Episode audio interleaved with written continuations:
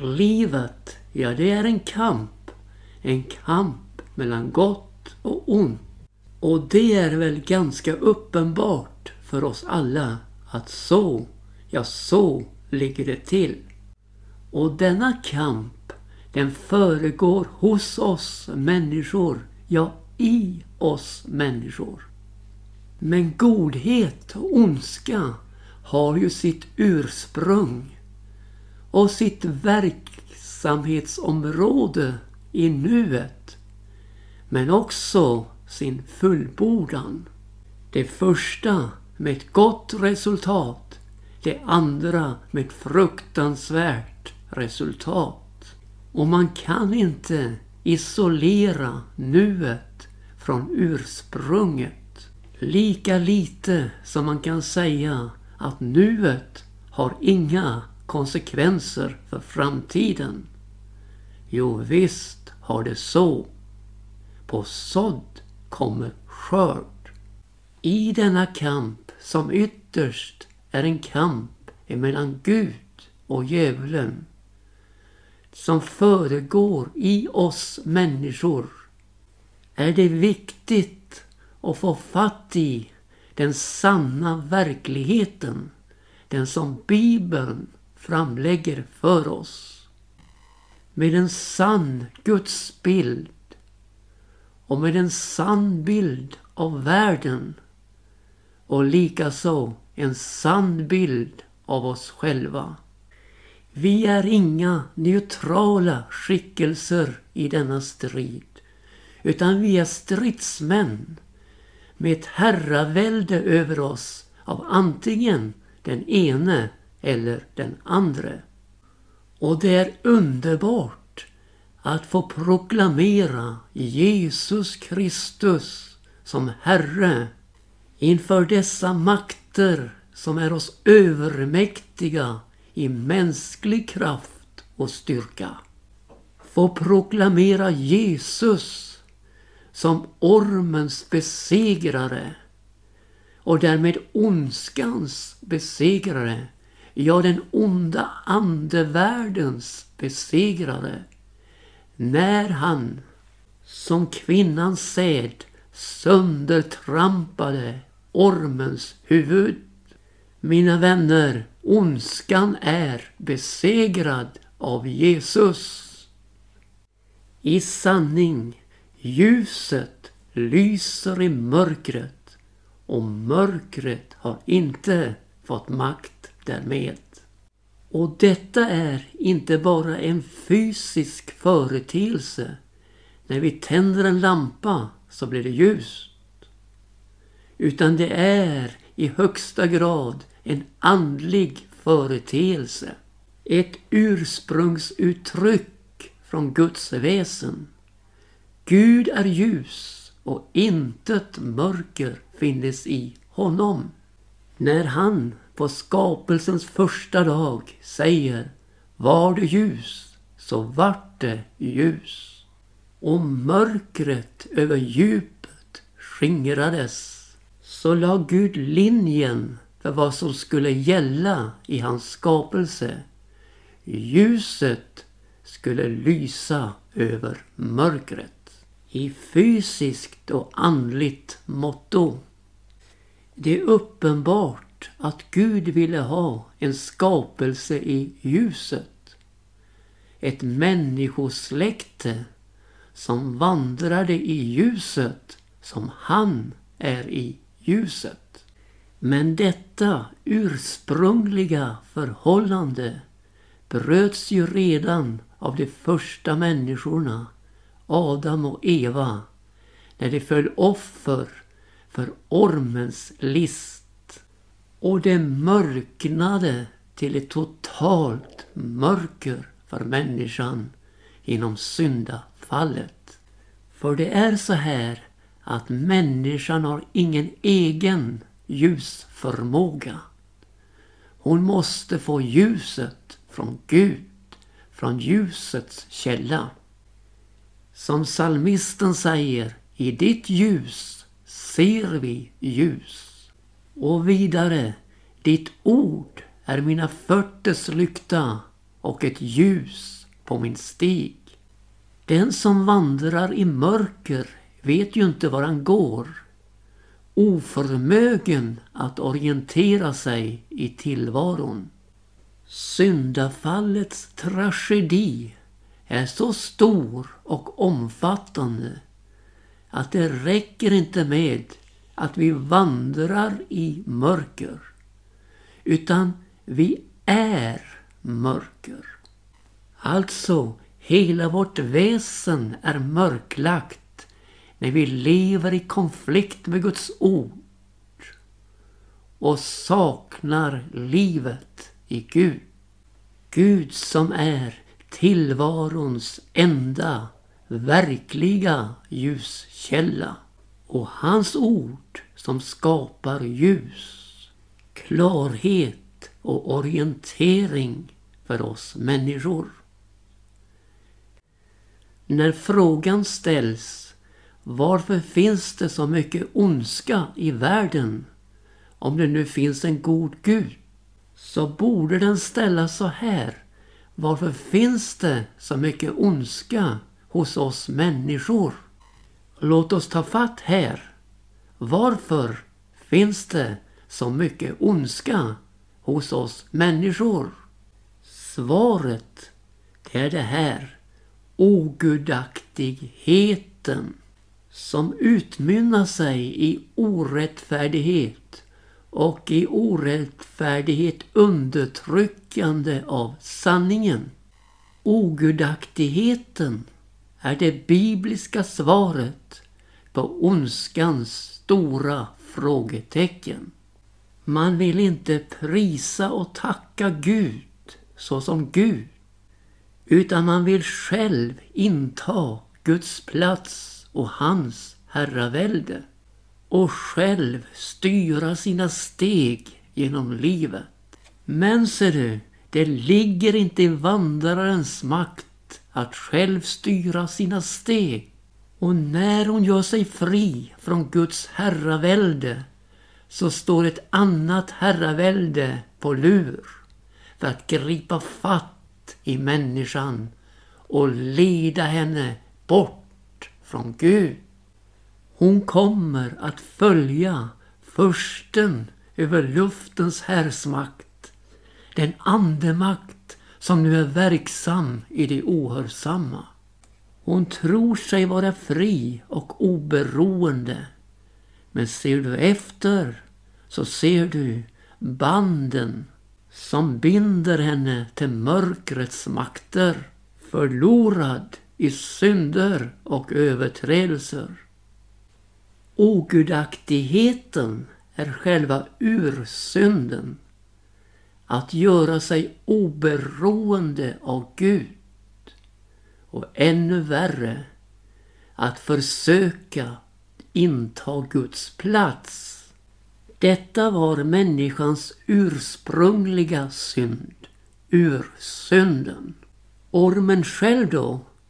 Jo, han hade gjort precis på samma sätt tidigare då han som en strålande morgonstjärna, alltså ljusbärare, hade vänt sig mot Gud själv och sa i sitt hjärta Jag vill stiga upp till himmelen, högt ovanför Guds stjärnor. Jag vill ställa min tron. Jag vill sätta mig på gudaförsamlingens berg, längst upp i norr. Jag vill stiga upp över molnens höjder göra mig lik den högste. Här har vi själva ursynden. Här har vi ondskans ursprung. Dramatiken är ju oerhörd då han i sitt hjärta gör uppror mot Gud. Vill göra sig lik Gud och inta Guds plats. Men han hinner inte att lyfta på foten för att stiga upp innan han nås av Guds dom. Som säger nej, ner till dödsriket måste du fara, längst ned i graven. Och så börjar djävulens nedtur som pågår ända in i det sista då han kommer att kastas i den sjö som brinner av eld och svavel tillrädd åt honom och hans änglar.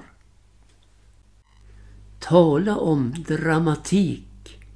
Men nu ska vi gå till texten i Sakarja, profeten Sakarias femte kapitel.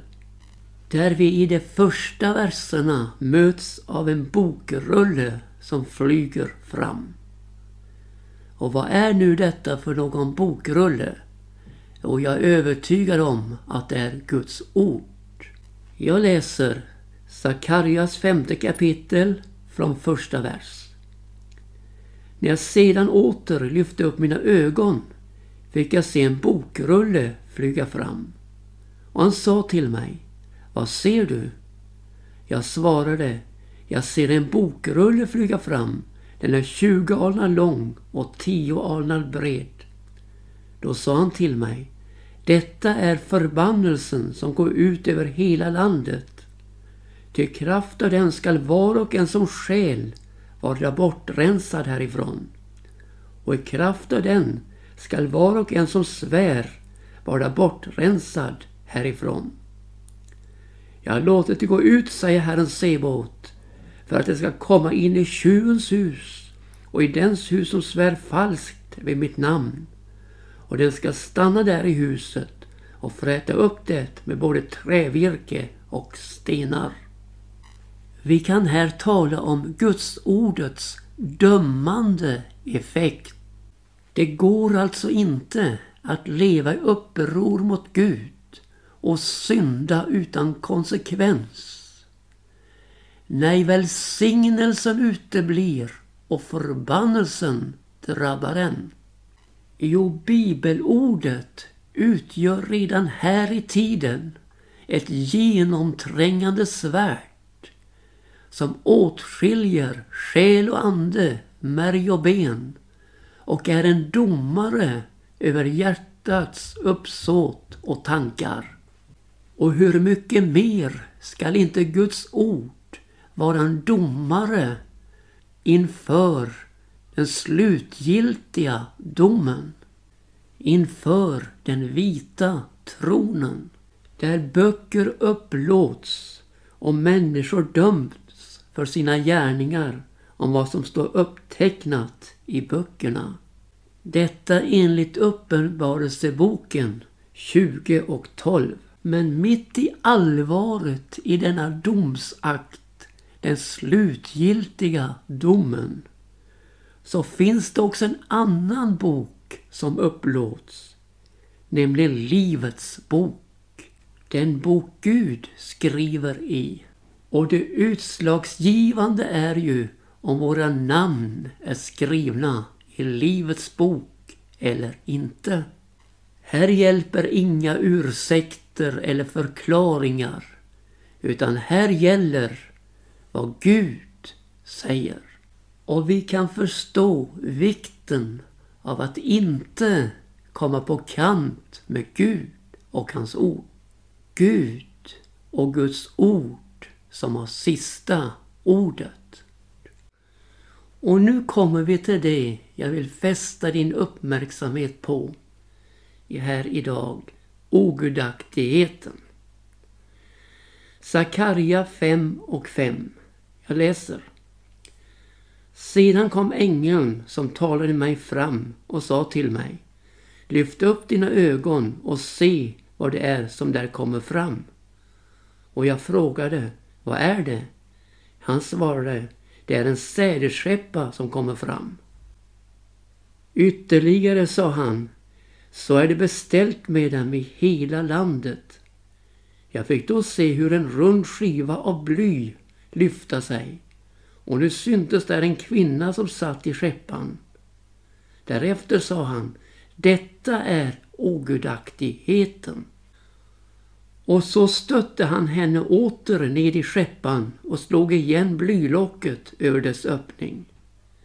När jag sedan lyfte upp mina ögon fick jag se två kvinnor komma fram och vinden fyllde deras vingar, ty de hade vingar lik hägens och de lyfte upp skeppar mellan jord och himmel. Då frågade jag ängeln som talade med mig, vart före de skeppan? Han svarade mig, de har i sinnet att bygga ett hus åt henne i sinernas land. Och när det är färdigt skall hon där bli nedsatt på sin plats. Vi möter här i texten en sädesskeppa med ett fruktansvärt utsäde. Och det här utsädet, det har alltså såtts över hela landet. För det hette ju, så är det beställt med dem i hela landet. Och så fick då profeten se hur en tung skiva av bly, en rund skiva, lyfte sig. Och så fick han se hur en kvinna satt där i skeppan och höra detta är ogudaktigheten. Kan du se bilden? En sädesskeppa fylld med dödbringande utsäde som hölls, hålls nere med ett blylock. Av vem? Av Gud. Han har inte låtit ogudaktigheten få fullt spelrum ännu. Vi har sett det i historien hur blylocket har lyft sig av ondskans inneboende kraft. Vi har sett det i progromer, vi har sett det i förintelsen och nu sist i Hamas fruktansvärda angrepp på civila människor. Vi har sett det i aborterna där mer än en miljon i Sveriges land har vägrats att födas till livet. Och vi kunde fortsätta och fylla programmet med dessa lyft av ondska i tiden.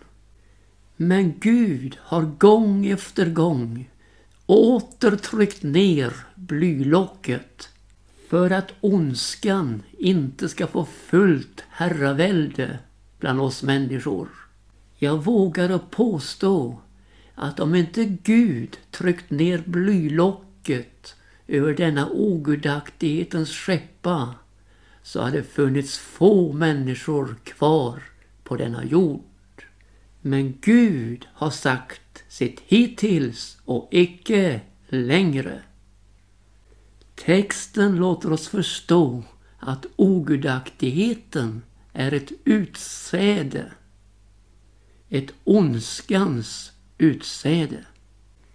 Inneslutet i en skeppa som inemellan pyser över med sin ondska men också har sån inneboende kraft att blylocket lyfts upp och ogudaktigheten visar sitt fruktansvärda ansikte. Jag tycker bilden ger oss en oerhörd insikt och förståelse om dessa saker. Men så får profeten också se i sin syn två kvinnor som lyfter upp säderskeppan mellan himmel och jord. Och han undrar då, vad för de hän med skeppan? Jo, han får veta att de har i sinnet att bygga ett hus åt henne i sinernas land. Och när det är färdigt skall hon där bli nedsatt på sin plats. Sinernas land och sinernas slätt. Var det inte där man byggde Babelstornet? Var spets skulle nå upp i himmelen. Var det inte där man ville göra sig ett namn? Jo visst, så var det. Ogudaktigheten hos oss människor ger aldrig upp sitt mål att göra sig oberoende av Gud och göra sig lik Gud. Och så möter oss två kvinnor som lyfter upp skeppan och har i sinnet att föra den till Senernas land. Två kvinnor och två kvinnor möter oss också i Nya Testamentet som står i begrepp att föra ondskan ut på dödligt plan. där sanningssägaren Johannes döparen blir halshuggen. Händelsen utspelar sig på Herodes födelsedag. Där Herodias och hennes dotter lyfter ondskan till nya höjder. De två kvinnorna. Dottern så elegant i sitt framförande då hon dansar inför Herodes och gästerna och får veta att hon kan få begära vad som helst. Och i samråd med sin moder begär hon Johannes döparens huvud på ett fat. Ondskan, den är elegant till max, tjusar och bedrar. Vilka rörelser, vilken framtoning, vilken dans, ja vilken elegans. Där vem som helst kan ryckas med i denna fåfänga. Ja, det är ena sidan av ondskans framtoning. Den andra finner vi hos modern i sin mordiska inriktning. Utan empati, utan elegans. Med en fruktansvärd mordisk tanke i sitt hjärta. Ja, ondskan spelar på många instrument. Och dess musik är förförande. Men under ytan ligger dess mordiska anslag av död och förstörelse. Ty tjuven har kommit allenast för att stjäla, slakta och förgöra. Medan Jesus har kommit för att vi ska ha liv och övernog. Så kan då ogudaktigheten halshugga sanningsbäraren. Men sanningen kan det aldrig rå på. Vi möts av ett oerhört tryck här i tiden.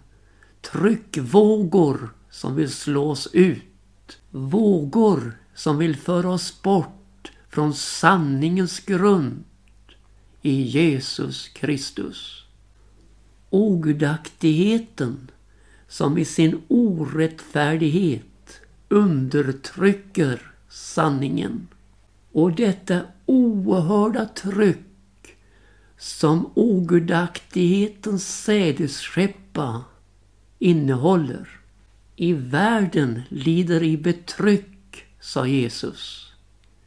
Ett betryck där ogudaktighetens sädesskeppa pyser ut i vår omgivning.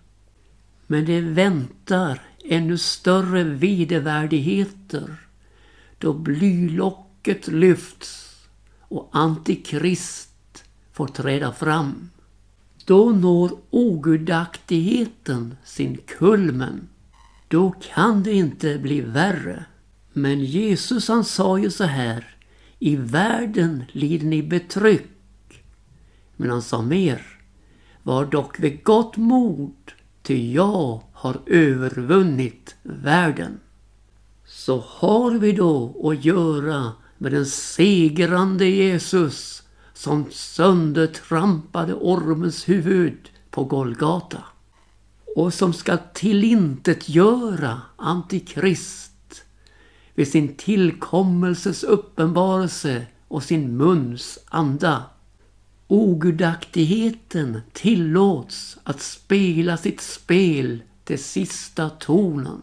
Men så är det också slut då Jesus Kristus upprättar sitt rike och i förlängningen att varje knä ska böjas.